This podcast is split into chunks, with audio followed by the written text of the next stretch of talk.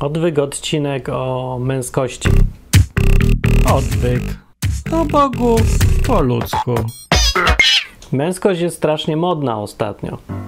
Znaczy, no nie tyle, żeby ją uskuteczniać, tylko żeby o niej gadać. Jest dużo różnych konferencji na temat męskości, książek od groma.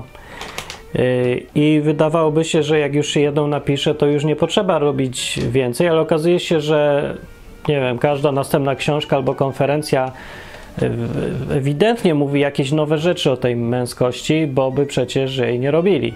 Albo jakby się okazywało, że gdyby tak było, żeby konferencja mówiąca o męskości była skuteczna, no to by była jedna i potem można powtarzać najwyżej, nie wiem, co 5 lat czy 10 dla nowych ludzi gdyby to rzeczywiście było skuteczne i zmieniało. Z czego dla mnie płynie dowód, że gadanie o męskości, podobnie jak y, większość innego kościelnego gadania, nic zupełnie nie daje tylko e, daje ludziom przyjemność tym, z tego, żeby o tym pogadać. No to pogadajmy o tym, o męskości. W ogóle tak dla mnie osobiście to jedną z najmniej męskich rzeczy, które mężczyzna może robić, to jest gadać o swojej męskości. To jest tak kobieca rzecz, że już trudno o większą. No ale yy, tak od początku zacznijmy. Co mówi Biblia o męskości? Męskość y, nie występuje specjalnie jako takie słowo w Biblii, ale można, to jest bardzo duża książka i tam jest dużo zachowań ludzi przedstawionych i tematyków, tematów życiowych dużo, więc coś można o męskości wyciągnąć z Biblii, jak najbardziej. Tylko najpierw trzeba się zastanowić, y, po pierwsze, o czym my mówimy, co to za męskość jakaś, po co, o co chodzi. A drugie, jeszcze ważniejsze jest, po co o tym gadać. Drugie jest najłatwiejsze. No, po to, żeby mężczyźni byli męscy bardziej. Ale pierwsze pytanie jest ważniejsze i trzeba się zastanowić, co to jest męskość. Męskość, kot tam szumi, przepraszam. Idź kot. Już przepraszam, to kot szumiał i wszedł do pudła. A propos kota, to gadanie o męskości wydaje mi się wydaje mi się tak samo sensowne jak y, rozpatrywanie, co to jest kociość w odniesieniu do kota. No jest kot i teraz zróbmy konferencję na temat kociości. Wyobraźcie sobie, że koty zrobiły sobie konferencję i, na, i czytałem książki, y, na czym polega kociość. No i wydaje się to idiotyczne, nie z tego powodu, że koty piszą książki, tylko z tego powodu koncepcji samej. Zastanówcie się, po co kot miałby w ogóle o tym gadać, zastanawiać się. No bo kot jaki jest, taki jest i co daje kotowi to, że o tym będzie dyskutować, albo rozważać, albo się zastanawiać? Kociość. O, kociość to jest nie wiem, mycie się 15 razy dziennie, albo polowania, albo coś tam innego. No, nie, no można, tylko znowu po co? Ale to znowu wyprzedzam yy, porządek dnia, bo to miałoby, po co to miało być drugie. A to właśnie, jak już to powiedziałem, to że odpowiem, no wydaje mi się, że właśnie nie wiem po co, po nic dla pogadania. Co jest bardzo kobiece, paradoksalnie. Dobra, ale pierwsze pytanie, jeszcze raz. Co to jest męskość? Męskość yy, można rozpatrywać tylko w dwóch aspektach, żeby w ogóle to słowo miało sens. Męskość to jest bycie kimś w odniesieniu do czegoś innego. O co mi chodzi, że tak yy, po ludzku było i zrozumiale. Mężczyzna może ma sens bycia to w ogóle to słowo może istnieć tylko jeżeli jest coś, co nie jest męskie, czyli kobiece właściwie. Męskość więc na zasadzie niekobiecości można rozpatrywać i trzeba nawet. To jest jeden przypadek, kiedy mówimy o męskości. Mężczyzna to jest ktoś, kto nie jest kobietą, kto jest nie kobietą, kto jest antykobietą. Jeżeli by nie było kobiet, inaczej to jeszcze powiem, gdyby nie było kobiet, to nie byłoby pojęcia męskość, byłby po prostu człowiek. Albo słowo mężczyzna znaczyłoby dokładnie to samo co człowiek i nie byłoby potrzeby robić konferencji, co to jest męskość, bo by nie było kobiet. Bo by było tylko, co to jest człowieczeństwo ewentualnie. Ale męskość yy, to jest pierwsze rozumienie, kiedy najczęściej się to rozumie jako bycie, kim ma być człowiek w odniesieniu do kobiety. Kim ma być człowiek, który kobietą nie jest. To jest pierwsze podejście męskości, i to podejście męskości właściwie sprowadza całą rozmowę o męskości do y, rozmawiania o związkach. O y, związkach męsko-damskich. Chyba, że są jakieś kościoły tam genderowe, czy tam coś, to są związkach męsko-męskich, może, nie wiem, jakieś takie. No, można rozmawiać też o tym, e, na przykład, jak się powinien zachować mężczyzna wobec drugiego mężczyzny, ale to dalej jest wszystko w kontekście, że nie jesteśmy kobietami. Więc i tak cała rozmowa sprowadza się do różnic między płcią. I to jest pierwsze. I chyba najistotniejsze, o czym ludzie chcą gadać, jeżeli chodzi o męskość. Ale jest drugie, prostsze, potrzebniejsze yy, pole rozumienia tego słowa męskość yy, i łatwiejsze do znalezienia w Biblii o wiele. Czyli mężczyzna, który nie jest chłopcem. My, męskość jako niebycie już dzieckiem. Yy, może być chłopiec i może być mężczyzna. I znowu ta sama sytuacja. Gdyby nie było chłopców, gdyby nie było dzieci, to nie byłoby sensu istnienia słowa męskość, bo ludzie byliby od razu mężczyznami. No by nie było kobiet i nie było dzieci, to byliby sami mężczyźni i nie byłoby słowa męskość, w ogóle byłoby po prostu kobiecość, tak jak słowo kociość by nie była, gdyby nie było innych ras zwierząt, gatunków, odmian. Więc zawsze, roz, jeżeli będziemy mówić, albo będziecie słyszeć, że ktoś mówi o męskości, to trzeba zawsze pamiętać, że on jednocześnie mówi albo o kobiecości, e, o męskości, która nie jest kobiecością, albo mówi o męskości, która nie jest dziecinnością, chłopięctwem. No i teraz, o czym my mówimy, o którym z tych rzeczy? No, bo musimy powiedzieć o tym pierwszym. Dlaczego? No bo to drugie jest banalnie proste. Łatwo zdefiniować. Co mówi Biblia o męskości, która nie jest już chłopięcością? Kiedy mężczyzna osiąga, nie, kiedy człowiek osiąga męskość, czyli kiedy przestaje być dzieckiem i dojrzewa.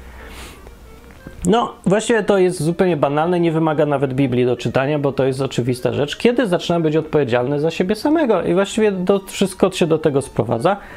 I niepotrzebnie płacisz za konferencję, która trwa 10 godzin, bo to sobie możesz w 10 sekund zastanowić, a następne 10 sformułować i w ostatnią sekundę, 21, powiedzieć odpowiedzialność. Kiedy bierze odpowiedzialność za swoje czyny? Kiedy już jest zdolny do życia na własny rachunek i własną rękę? No to wynika właściwie z, całej Biblii. Trudno to inaczej e, rozumieć w ogóle. Nie da się inaczej rozumieć. Wszystko jest bez sensu, jeżeli się tego tak nie, nie postawi tak sprawy. Dzieckość, czyli niemęskość w sensie wieku, polega na tym, że nie, bior, nie możesz brać odpowiedzialności za siebie, więc nie można cię rozliczać, nie można ci nic kazać, nie można od ciebie nic wymagać. Jest taki na przykład przykład jest taki na przykład, tak, jest taki na przykład, jest taka historia na przykład w Biblii, kiedy prorok sobie szedł, idzie se prorok ulicą, albo tam polem, ścieżką i przyszły gówniarze przyszli. Więc słowo gówniarz nie występuje w Biblii, ale powinno, bo to jest tam słowo dzieci. To jest fatalnie przetłumaczone słowo. Słowo to należało w oryginale występujące idealnie się tłumaczy jako gówniarze. Przy czym to słowo nie określa, jaki wiek był tych dzieci czy coś. I teraz jest bardzo popularna krytyka Biblii przez ludzi wtórnych analfabetów głównie, czyli większość internetu. I ta krytyka mówi, że Bóg jest okrutny straszliwie, bo historia ciąg dalszy był taki, że ci gówniarze, y, owi, zaczęli przezywać tego proroka i mówi, że jest łysy i to był Eliasz czy Elizeusz, któryś tam z nich. Mówi, łysy, łysy, haha, śmieszne, haha, łysy. No były to takie trole w czasach przedinternetowych. Nie obrażali proroka. Prorok się zdenerwował, gdyż był łysy i nie lubiał, żeby mu to przypominać. Widocznie, nie wiem, brak włosów o czymś tam świadczył, ja nie wiem. I powiedział, że ich przeklął w imieniu Pana, jest tak napisane. I wyskoczyły dwa niedźwiedzie z lasu i zeżarły tych gówniarzy. I teraz krytyka polega na tym, że Bóg widocznie nie ma e, względu na dzieci, bo nie potraktował ich jak dzieci, tylko potraktował ich jak dorosłych. Krytyka oznacza tutaj, e, osadza się na tym, że Bóg traktuje dzieci jak dorosłych, więc postępuje zupełnie jakoś nieludzko, tak niesprawiedliwie. No, nikt nie wymaga od dziecka, żeby był odpowiedzialny za to, co robi. Dlatego też mu się nie daje żadnej odpowiedzialności. Dlatego dziecku nie zakłada się kont bankowych, dlatego nie daje mu prawa jazdy, no nie? Dlatego nie pozwala mu się podpisywać umów cywilnoprawnych. Z tego powodu, bo dziecko jest niedojrzałe i dziecko jest dzieckiem, a nie mężczyzną, nie człowiekiem jeszcze. No, musi sobie dojrzeć. E, więc z jednej strony nie ma praw, z drugiej strony nie ma obowiązków. No i co prawda to wszystko dzisiaj reguluje prawo i my zapomnieliśmy w ogóle, bo nie musimy już wiedzieć skąd się wzięło to prawo i z czego wynika, ale to akurat prawo wynika z natury. Z tym, że z natury nie wynika, że wiek męski osiąga się w wieku 18 lat, się wydaje jakoś nieprawdopodobnie późno. Biorąc pod uwagę całą historię ludzkości, męskość pojawiała się dużo wcześniej przeważnie, tam nie wiem, 13 lat, 15, różnie tam bywa. Może być i sytuacja, kiedy 11-latek jest bardzo, już jest właściwie mężczyzną, bywa, to jakieś skrajne przypadki, jak dużo przeżył albo coś. No, ale rzadko, nie? Ale gdzieś tam jest tam wiek, no między, nie wiem, 12 a 18 lat. Plus, minus i trzeba to, indywidualna sprawa. Ale po czym poznać ją? Po tym, nie wiem, po czym poznać, jak będę, nie wiem, miał dużo doświadczeń z, takim, właśnie ja mam, to powinienem wiedzieć. No nie, musiałbym żyć z kim, żeby widzieć, który to jest dzień, kiedy jest różnica. Nie wiem, czy jest dzień, ale każdy to widzi jakoś, że człowiek zachowuje się odpowiedzialnie. No z nami 30-latków, co są dalej dziećmi, bo nie, nie osiągnęli odpo- stanu odpowiedzialności. Męskość w tym wypadku yy, właściwie trzeba sobie, może to jest rzecz, której brakuje współczesnym ludziom i to jest kwintesencja męskości, jeżeli w ogóle coś takiego istnieje. To kwintesencją tego jest y, wzięcie na siebie odpowiedzialności z własnej woli za swoje życie. Czyli to, co ludzie dzisiaj robili nie muszą i nie chcą, i przed czym się strasznie bronią. To jest, myślę, sedno męskości. Oznacza to, że dziecko przestaje być dzieckiem, kiedy chce przestać być dzieckiem.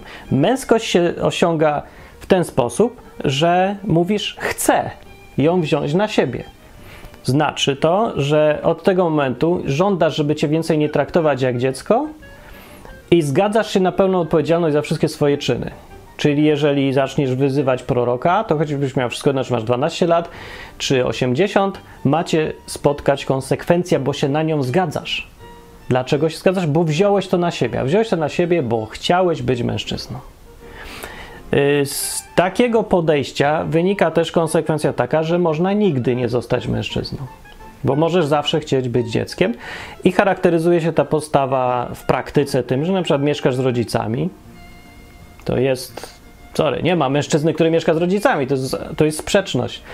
Jeżeli rozumieć to w ten sposób, w jaki mówię, bo człowiek, który bierze odpowiedzialność za swoje życie, no, musi mieszkać na własny rachunek. Nie może być utrzymywany przez kogoś. No. Że, może są różne, mówię, są różne dziwne tam przypadki, się zdarza, nie? Ale bardziej chodzi i tak zresztą o odpowiedzialność mentalną, a nie jakieś tam praktyczne strony, kto za kogo kiedy płaci. Nie o to chodzi. Chodzi o nastawienie wewnętrzne, o zgodę wewnętrzną i wyrażoną też i zewnętrznie i przejawiającą się w życiu na branie odpowiedzialności za siebie. To jest męskość, ale to jest męskość w odniesieniu do wieku, do dojrzałości. I z tym nie ma problemu, bo tu nie ma o czym dalej konsekwencji robić. Recepta, jeżeli już jest w ogóle sens gadać o czym, o tym, o męskości, jeżeli odpowiemy sobie na pytanie, po co o tym gadać, to tylko po to, żeby albo po pierwsze umieć rozróżnić, czy coś jest, ktoś jest mężczyzną czy chłopcem, ale ten cel jest bez sensu, bo każdy widzi od razu. To nie, nie wymaga treningu żadnego rozróżnienia. Nie z tym problem. I po drugie, ważniejszy cel gadania o tej męskości to jest, jak sprawić, żeby chłopiec został mężczyzną.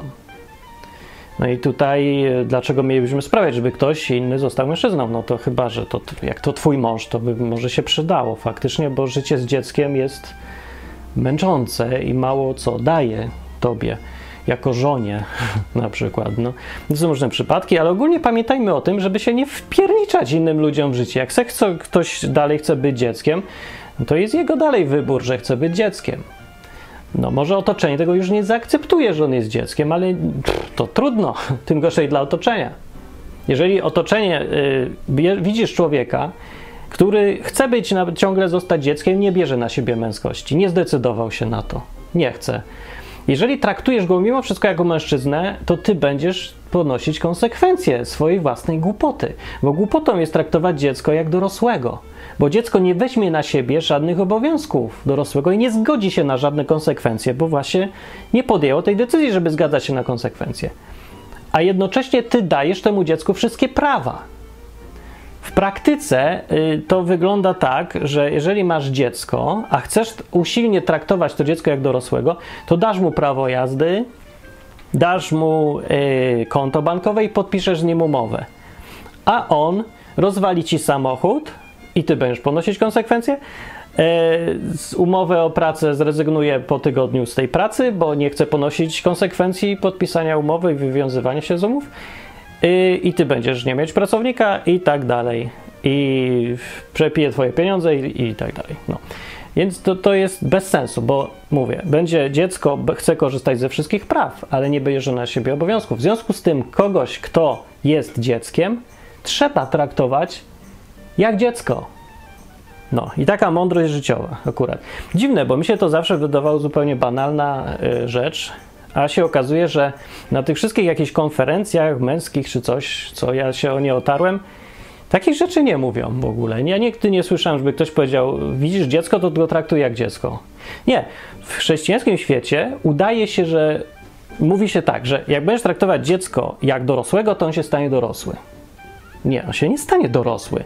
Jeżeli traktujesz dziecko jak dziecko, to będziesz utwierdzony. Nie, odwrotnie. Jeżeli traktujesz dziecko jak dorosłego, dając mu prawa, a nie wymagając obowiązków, znaczy, bo możesz wymagać od niego, ale to nie ma znaczenia, jak on od siebie sam nie wymaga. Więc jeżeli go tak traktujesz, to utwierdzasz go w byciu dzieckiem, bo dajesz mu nagrodę za to, że on chce ciągle być dzieckiem. Czyli jest sobie facet, co ma 35 lat, mieszka z rodzicami, utrzymuje go ktoś tam inny i yy, na przykład za swoje problemy, swoje problemy emocjonalne, na przykład z kobietą, z którą jest, też nie bierze odpowiedzialności, nie bierze, nie przejawia inicjatywy, zostawia wszystko jej. Wszystkie ważne rozmowy czy coś, to on nie, on nie umie, on, on nie będzie. To ona załatwi za niego, mama załatwi pranie, kolega załatwi pracę, każdy coś załatwi za niego. No to dziecko. No.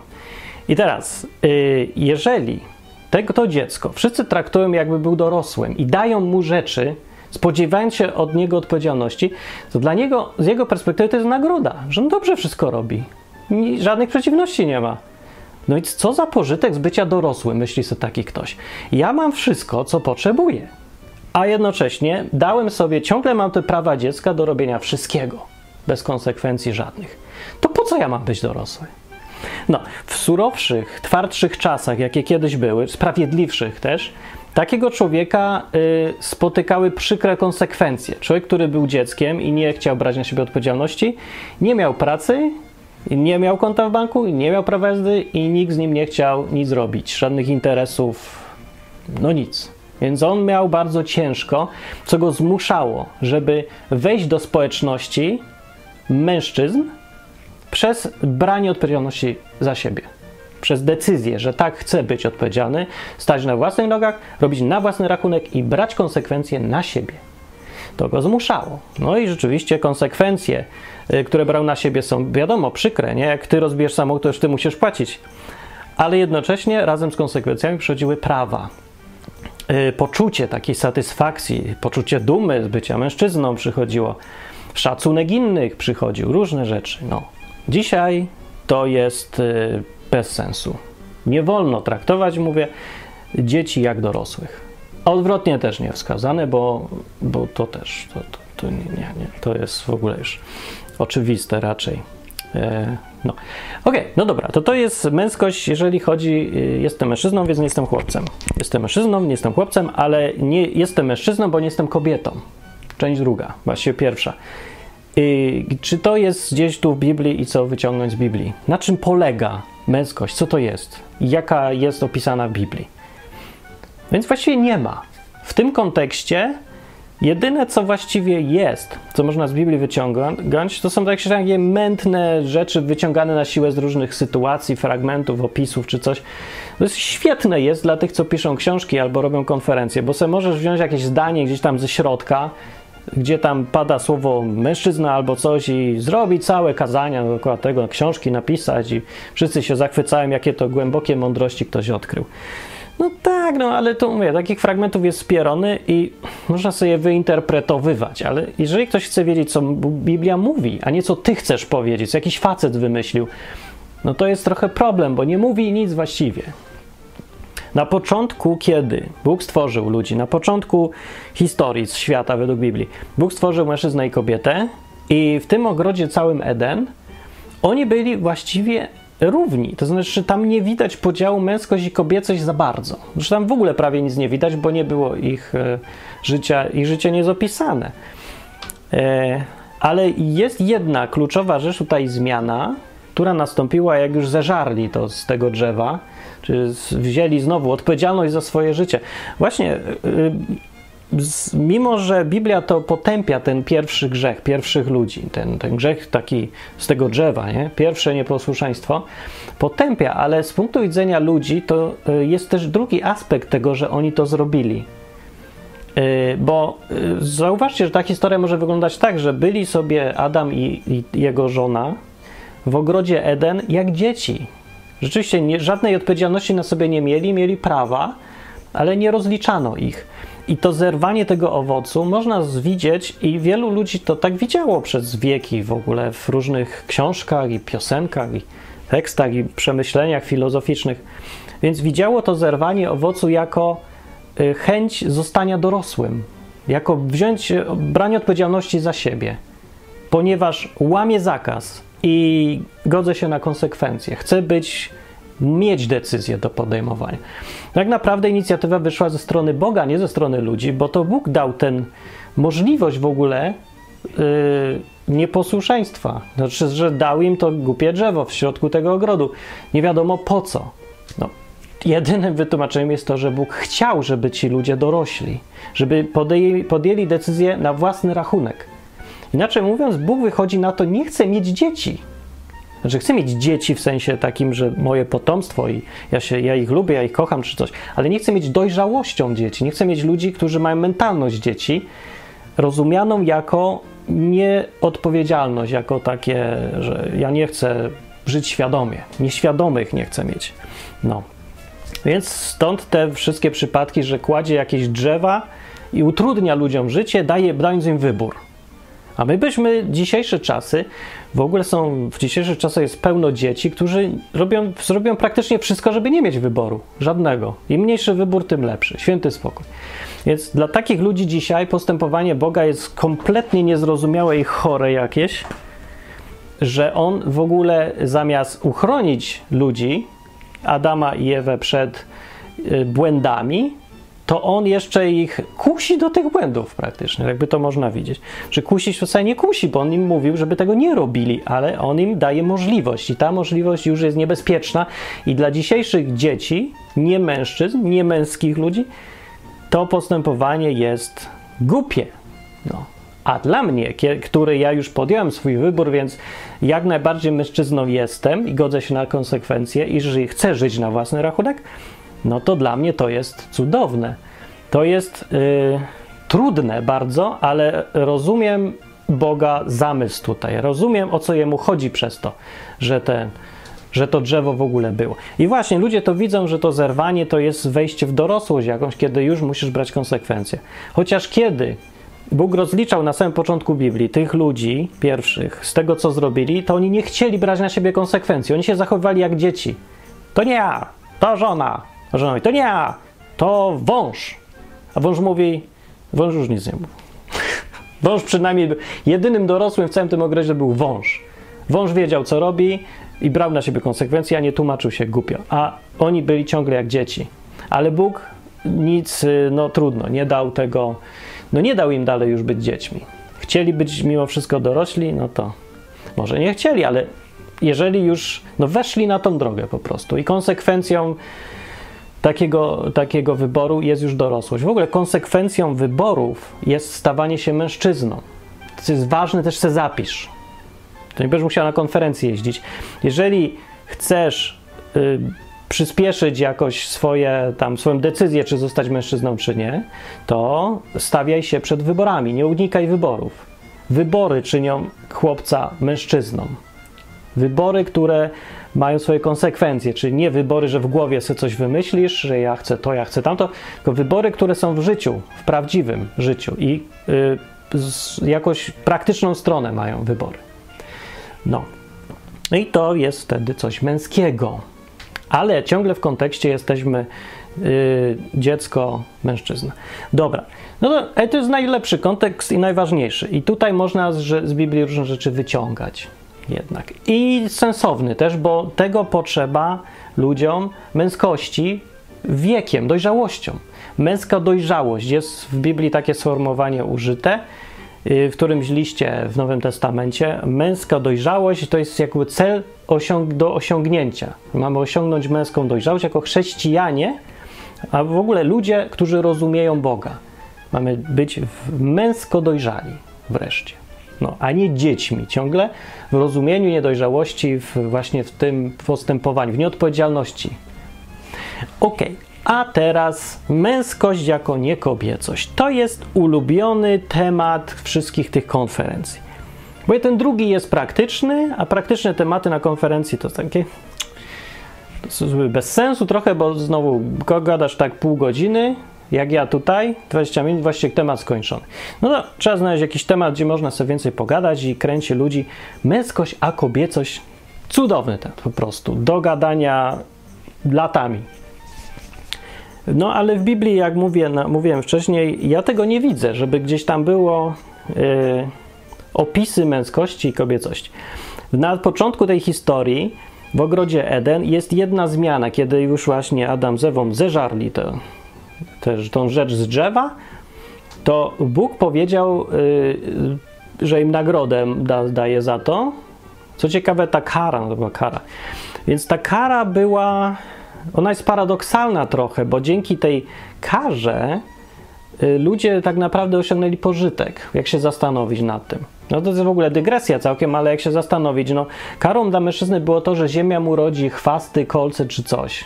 Wydaje się, że kara i jest to kara jak najbardziej, ale jednocześnie w jakimś tam sensie to jest pożyteczne dla człowieka.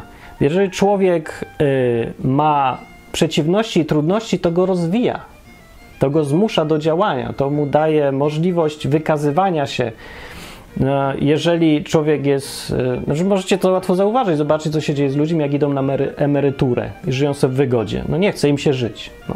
Albo ludzie, co siedzą na bezrobociu. No to właśnie to by się działo w ogrodzie Eden prawdopodobnie, więc to jest taki rodzaj kary, która jest, mimo że jest karą ciągle, to i tak Bóg chce jak najlepiej. Nawet kary wymyśla takie, żeby się przydały temu, kogo kara. Jest dosyć niesamowite, co to myślę jest teraz. Ale nieważne, to jest dygresja. Więc jedną ze zmian z tych kar było to, że do kobiety zostało powiedziane, że będzie cię ciągło do mężczyzny, y, a on będzie nad tobą panował. I to jest ważna zmiana. Jeżeli skądś brać y, jakąś definicję, co to jest męskość i kobiecość, to chyba z tego fragmentu tylko. Bo inne rzeczy są.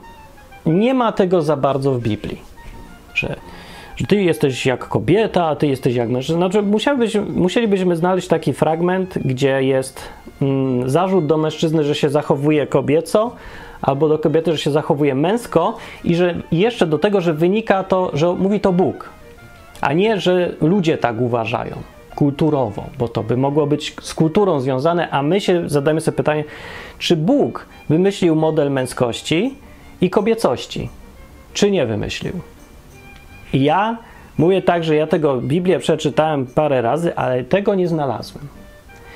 Nie znalazłem tego. Oprócz tego jednego fragmentu, co mówię, y, jak, który był karą za to, co zrobili na początku, że mężczyzna będzie nad kobietą panować. Ale nawet to, jak zwróćcie uwagę, jak to jest napisane.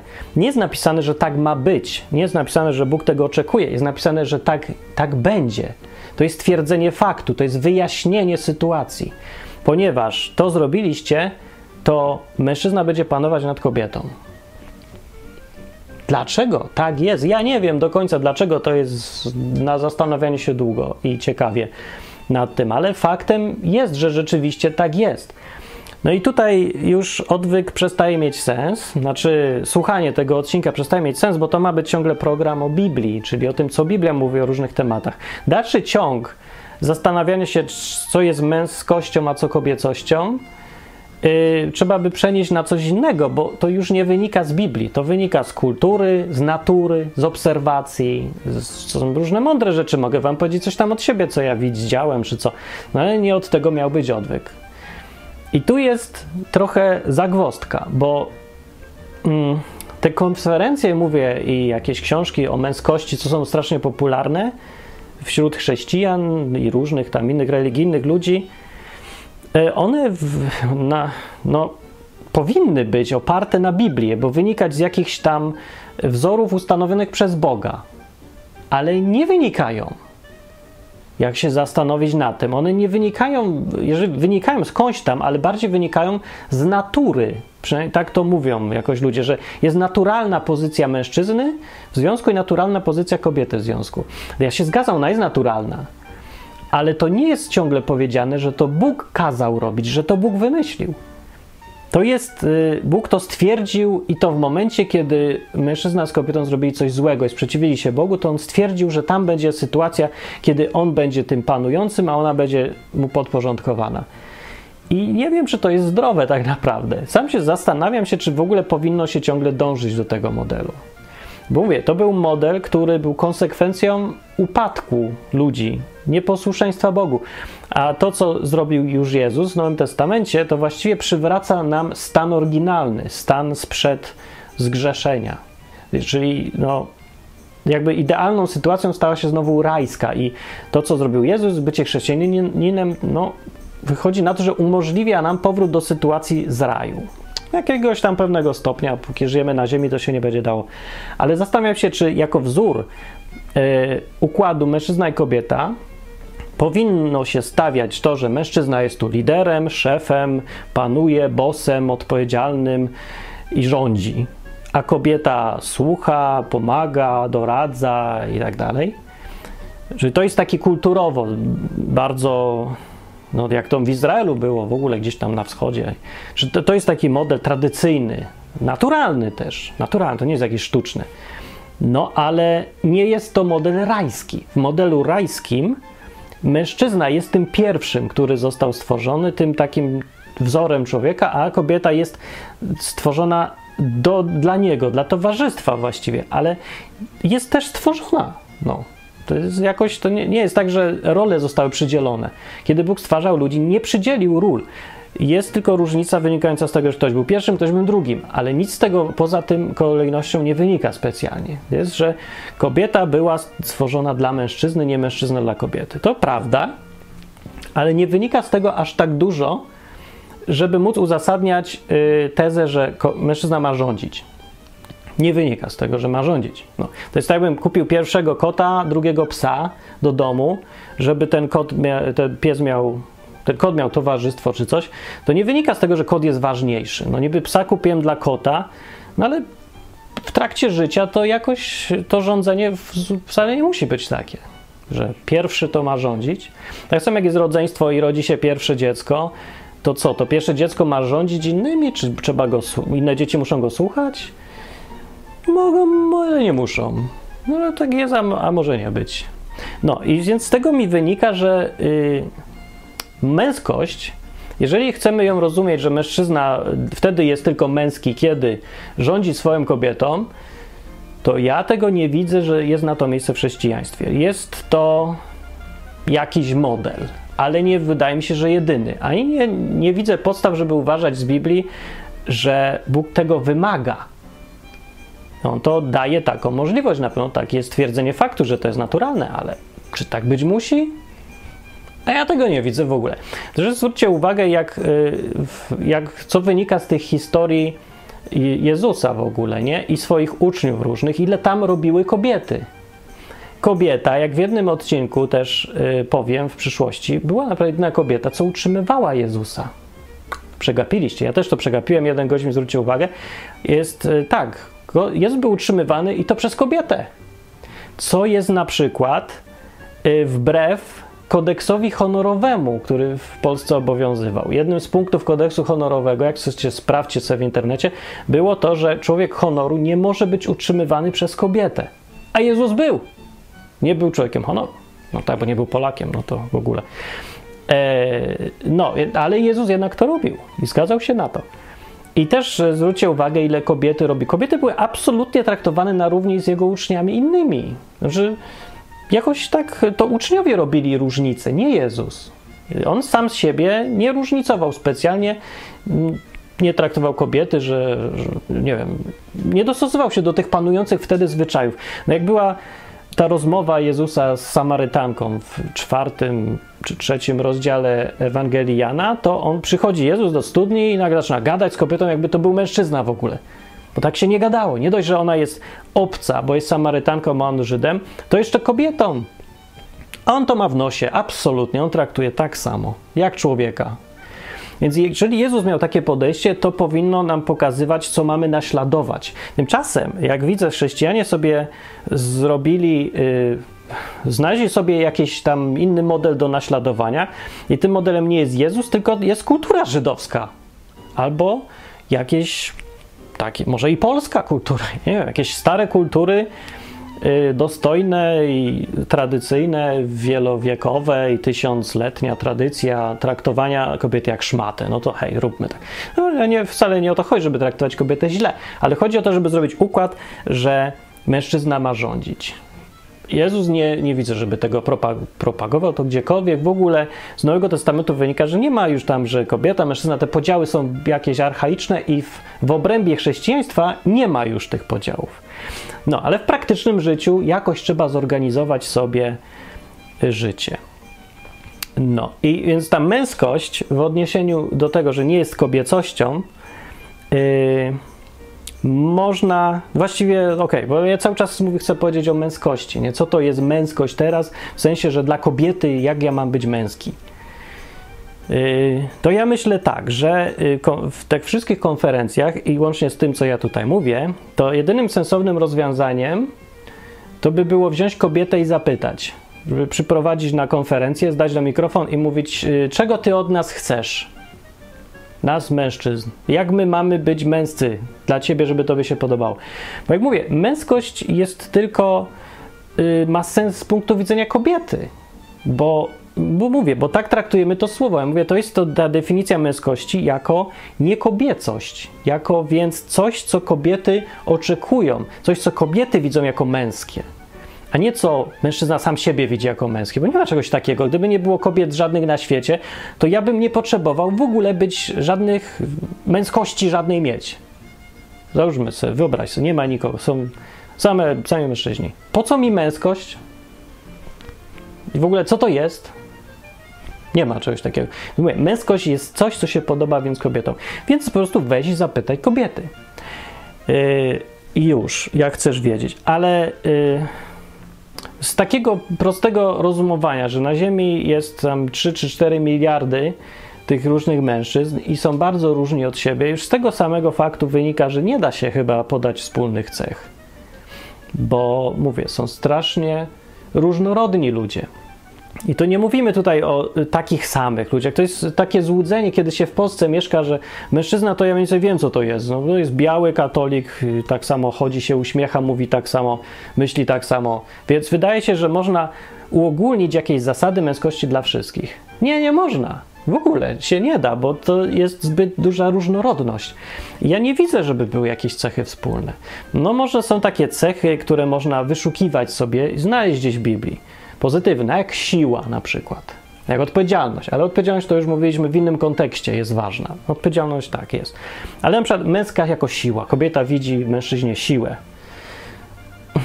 Może, ale ja dam kontrargument. Czytałem sobie pieśń nad pieśniami dzisiaj, co jest zadaniem domowym, będzie, ale czytałem sobie i na przykład widzę, jak e, tam kobieta opisuje męskość swojego mężczyzny. I się zdziwiłem, bo porównuję go na przykład do zwierząt. Gdyby kobieta y, w swoim mężczyźnie chciała widzieć w jego męskości, widziała siłę, to do jakich zwierząt powinna porównać swojego mężczyznę? Pytanie takie. Rozumiesz pytanie? Rozumiesz pytanie jeszcze raz.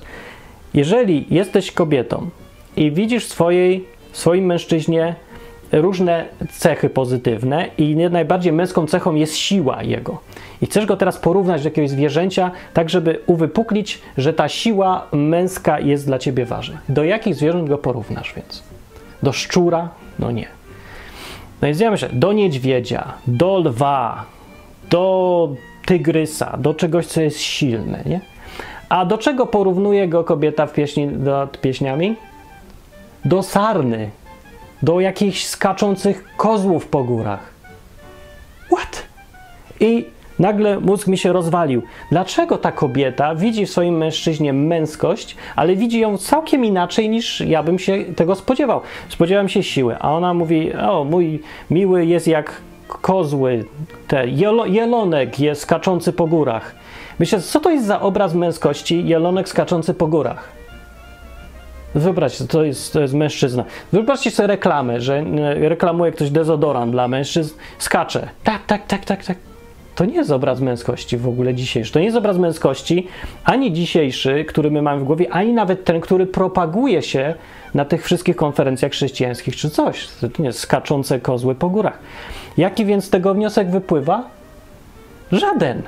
Po prostu nie ma wniosków, bo nie ma zasad. Się okazuje, że jej się podoba w nim to, że, że se skacze, albo że jest jakiś taki ruchliwy, czy dynamiczny, czy co. Ale jeżeli zaczniemy naprawdę wyciągać wnioski z pieśni nad pieśniami, że model y, męskości, jaki ma opisana tam kobieta, ma być modelem dla każdego, to dojdziemy do absurdów. Dojdziemy do sytuacji, kiedy zaczniemy ludziom narzucać, co im się ma podobać. A każdej kobiecie serio podoba się co innego w mężczyźnie. No gdyby tak nie było, to by naprawdę wszyscy mężczyźni chodzili z taką samą fryzurą. E, i się tak samo mieli, e, no wszystko, byliby tacy sami, bo by chcieli się podobać swoim kobietom. Ale zobaczcie, jacy mężczyźni, jakie straszne pokraki, czy tam łamagi, czy cholera wie kto, jakie kobiety, jak, jacy mężczyźni mają kobiety i mają żony i im się dobrze układa czasem z tymi żonami nawet i kobietom się to podoba co w nich widzą. A widzą najróżniejsze rzeczy.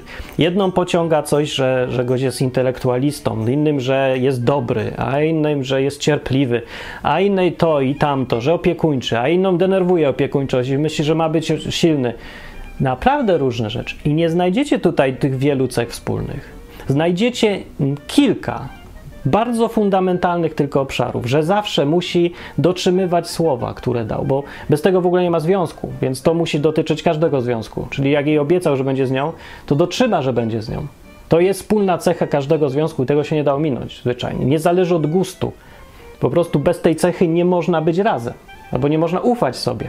Bez zaufania też związek jest lipny. To nie jest związek, to jest jakaś luźna relacja. E no więc takie rzeczy. Musi być prawdomówny, trzeba mu móc wierzyć. Yy, tak to jest. No i musi być odpowiedzialny, musi nie być dzieckiem. Z tego powodu, o który wyjaśniłem wcześniej, że no nie da się żyć z kimś, kto jest dzieckiem. Odpowiedzialność, prawa, obowiązki, te rzeczy. No i właściwie oprócz tych dwóch rzeczy to mi nic więcej nie przychodzi do głowy wspólnego. Każda kobieta inaczej widzi siłę. Nie każda kobieta w ogóle chce mieć siłę. Więc widzi w mężczyźnie męskie cechy jak, jakoś tam zupełnie inaczej, w innej odmianie. Ale no mówię, jeżeli są ludzie, z kolei kobiety z tego samego środowiska, jak właśnie Polska, to jest bardzo dobry przykład, bo to jest społeczeństwo jedno z najbardziej jednorodnych, zuniformizowanych społeczeństw, jakie są na Ziemi teraz. Jeszcze po tej, po przeszłości 50 latach PRL-u, gdzie wszystkich próbowano zmieniać w kopie, w klony praktycznie, no to E, to wydaje się, mam takie złudzenie, że, że tak, wszystkie kobiety chcą mieć takiego, takiego, takiego, takiego. Co zarabia pieniądze, coś tam, coś tam, coś tam. No to wyjedźcie sobie na inny kontynent i tam zapytajcie kobiet, zobaczycie, jakie zupełnie inne oczekiwania tam mają te kobiety. I teraz sobie człowiek myśli, o, to tamte głupie są. No skąd że to tamte są głupie, a nie te tutaj są głupie? Bo, bo tamte są tam, a te są tu? Po prostu ludzie są różni. I dlatego wniosek z tego całego gadania jest taki, że gadanie o męskości jest bez sensu. Mi się zdaje. w ogóle. E, I to jest najgłupsze ze wszystkiego, jest już chyba to, że mężczyźni zaczynają, jakiś taki pęd jest, moda na to, żeby mężczyźni zaczęli szukać swojej męskości. O, ja chcę być mężczyzną. I w jaki sposób to robią? To, to już jest absurd nad absurdy. Mężczyźni chcą dojść do swojej męskości przez wnikanie w siebie, analizowanie siebie, introspekcję, słuchanie, chodzenie na wykłady yy, i takie tam. No to, no to już nie wiem, czy to wynika z Biblii, czy z kultury, ale, czy z natury, czy skądś, ale ja uważam, już, już nawet nie analizuję, skąd ja to myślę. Załóżmy, że tak od siebie powiem teraz. Więc ja uważam od siebie, że yy, takie dochodzenie do męskości przez introspekcję czy coś, to to jest najbardziej kobieca rzecz, jaką można robić. Kobiety mają tendencję na ogół do wnikania w siebie, myślenia o emocjach, uczuciach, analizowaniu czy coś, a mężczyźni z natury raczej yy, lubią działać, działanie, akcje, żeby coś się działo. Zobaczcie, jakie filmy lubią mężczyźni, jakie filmy lubią kobiety. No, będzie widać. I dlatego y, dochodzenie do swojej męskości przez kobiece postępowanie, przez bycie jak kobieta jest absurdem, oddala od męskości. Jak już trudno bardziej sobie przeszkadzać w stawaniu się mężczyzną, niż jeżdżąc na konferencję mówiące o męskości. Jeżeli chcesz być mężczyzną, to pierwsze co zrób, przestań gadać o byciu mężczyzną. Przestań jeździć na konferencje i rozgadywać swojej męskości i zastanawiać się, jaka ona jest. To, to nie wiesz, co zrobić? Zamiast jeżdżenia na konferencję? No, myślę, że to z tego, co tu mówiłem, to już trochę wynika. Męskość, odpowiedzialność jako dojrza, dojrzewanie. W tym drugim sensie, nie w tym kobiecym, bo, bo ten to bycie mężczyzną dla swojej kobiety to jest w ogóle bez sensu temat. Ja bym go w ogóle nawet nie tykał. Jeżeli w tym drugim znaczeniu, o którym mówię, że nie chcesz, nie będziesz chłopcem, tylko będziesz mężczyzną, jeżeli przestaniesz być chłopcem i zaczniesz być mężczyzną, jeżeli ten rodzaj męskości osiągniesz, to ten, tamten przyjdzie naturalnie odruchowo. Bo myślę, że to jest yy, yy, taka zupełnie podstawowa cecha, że ja myślę sobie, że większość kobiet, które mają problem ze swoimi mężczyznami, twierdzą, że są niemęscy, to tak naprawdę chodzi im o to, że ich mężczyźni są ciągle chłopcami. Myślę, że to jest większość problemów z tego, co ja się zetknąłem z ludźmi. A nie, że są, że nie mają cech męskich, jakieś tam siły czy coś, że, tylko że, nie, że mają cechy chłopięce. Nie chodzi im, że mają cechy kobiece ich mężowie, że narzekałem na te cechy, bo ten mój mąż jest jak, bardziej jak kobieta niż ja. Nie, im bardziej chodzi kobiecie, jak tak mówi, że mój mąż jest bardziej chłopcem niż mężczyzną. I to mi się nie podoba. W związku z tym, jeżeli, ja uważam, że na to nacisk najlepiej kłaść, a nie jak być mężem dla swojej żony, nie jak być tatą dla swoich dzieci. Tylko jak nie być dzieckiem dla siebie samego, dla całego świata. No, a to myślę, że akurat jest dość proste, tyle że trudne, bo to jest, myślę, kwestia właśnie decyzji, kiedy biorę na siebie odpowiedzialność za swoje życie i, i autentycznie chcę. No to nie wystarczy powiedzieć, zadeklarować, że robić coś wbrew sobie. To, to nic nie da ogólnie.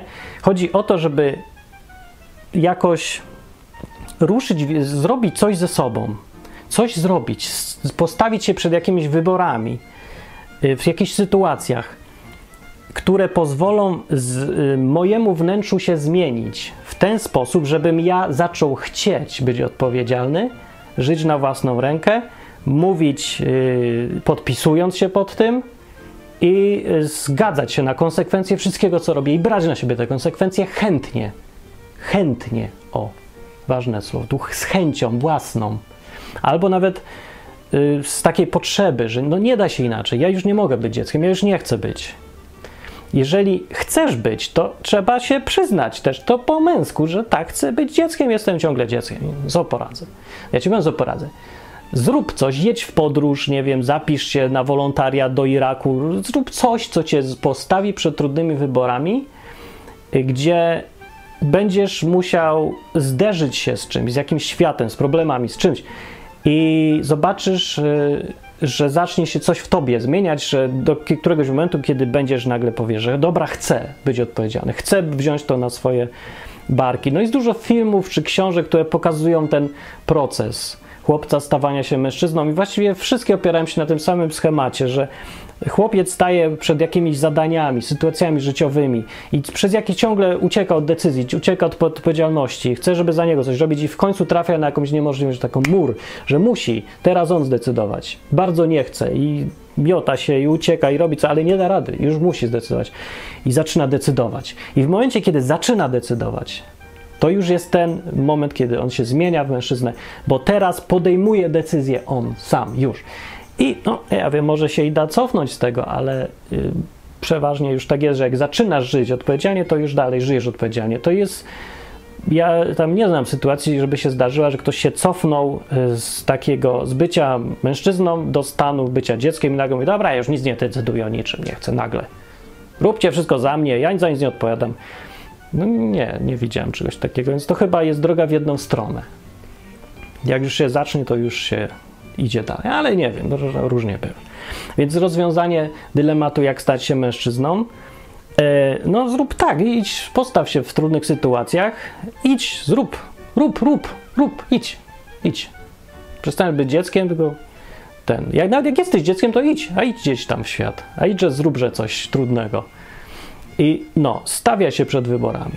Aż dojdziesz do, do dnia, w którym nagle zobaczysz, że nie tyle, że chcesz chcieć, tylko że już chcesz. Chciałeś chcieć kiedyś, chciałeś być mężczyzną, chciałeś być tym, kto może powiedzieć z czystym sumieniem: Ja chcę być odpowiedzialny i robić na swój rachunek rzeczy. Chciałeś tak.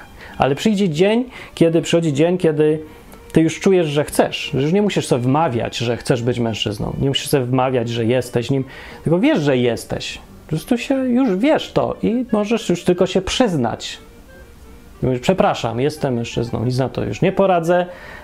Nie, przepraszam, poradzę, bo jestem mężczyzną, mogę decydować, ale ja jestem mężczyzną, chcę być mężczyzną i znaczy na tym też polega, jeżeli bym do czegoś banalnego miał, trywialnego jakiegoś zdania, prostego, sprowadzić cały ten problem męskości, to do tego, że mężczyzna to jest ktoś, kto robi, bo chce. Bo jest, bo chce. Chce być. Robi, bo chce robić. Dziecko się nawet nie zastanawia, nawet nie, bo nie ma świadomości, że może chcieć. To ja mogę chcieć? Jak ktoś mówi, czy ja mogę chcieć, to znaczy, że nie chce, znaczy, że już nie jest mężczyzną, nie ma męskiego podejścia. Ma chłopca w sobie, jest chłopcem, ciągle dzieckiem gdzieś tam i mówi, czy ja mogę? Dziecko się zastanawia, czy może. Mężczyzna myśli, co chce. Dziecko myśli, co mogę. No i się teraz zastanów, co mogę, czy co chcę. Co ciekawe, ten, to określenie męskość w tym kontekście, że dziecko, dorosły, ono jest takie marne trochę słowo, bo tak samo dotyczy kobiet. Zwłaszcza w dzisiejszym świecie, kiedy kobiety yy, wreszcie zauważono, że są ludźmi, i kobiety mają dokładnie ten sam problem, że może być na poziomie dziecka, a może już być męska, właśnie bez sensu, męska kobieta. No nie męska, tylko świadoma może. To zamiast męskość może lepiej użyć świadomość czy coś. Z drugiej strony kobiet ten problem mniej dotyczy, bo one są stawiane przez samą naturę bardzo często przez w sytuacji, kiedy muszą zmierzyć się z rzeczywistością. Jakoś gdzieś tam ta natura, tak widzę, działa na kobiety, bo no kobieta jak, y, jak zajdzie, jak się, o, jak będzie seks pod tytułem przygoda, to mężczyzna po takim seksie se idzie i dalej jest dzieckiem, idzie sobie robi se swoje, a kobieta nie ma takiego komfortu. Kobieta zostaje z dzieckiem w środku i to jest ten moment, kiedy już musi brać odpowiedzialność za siebie i jeszcze za kogoś innego. Jest jej to narzucone z góry, tak działa natura. Sorry. Nie ja wymyśliłem, ale stwierdzam fakt. Co oznacza, że kobiety gdzieś tam pamiętają o tym, że muszą być odpowiedzialniejsze i są. I zawsze tak było w kulturze, że kobiety, dziewczynka przechodziła w kobietę płynnie i bez trudności. Bo musi, no, z trudnością, nie? Ale że, że nie było jakieś takie, trzeba szukać siebie, jeździć gdzieś tam. Wystarczy, że zajdzie w ciąży i koniec, już jest kobietą. Od razu jej się zmienia, nagle odpowiedzialna się zaczyna robić aż za bardzo. Może być zupełnie niegotowa na to, ale ona akceptuje swoją rolę, choćby, bo musi, choćby z tego powodu, ale coś tam, nie wiem, Jakoś, zresztą ja nie wiem, ja się nie znam, zapytajcie się kobietę, czy tak jest.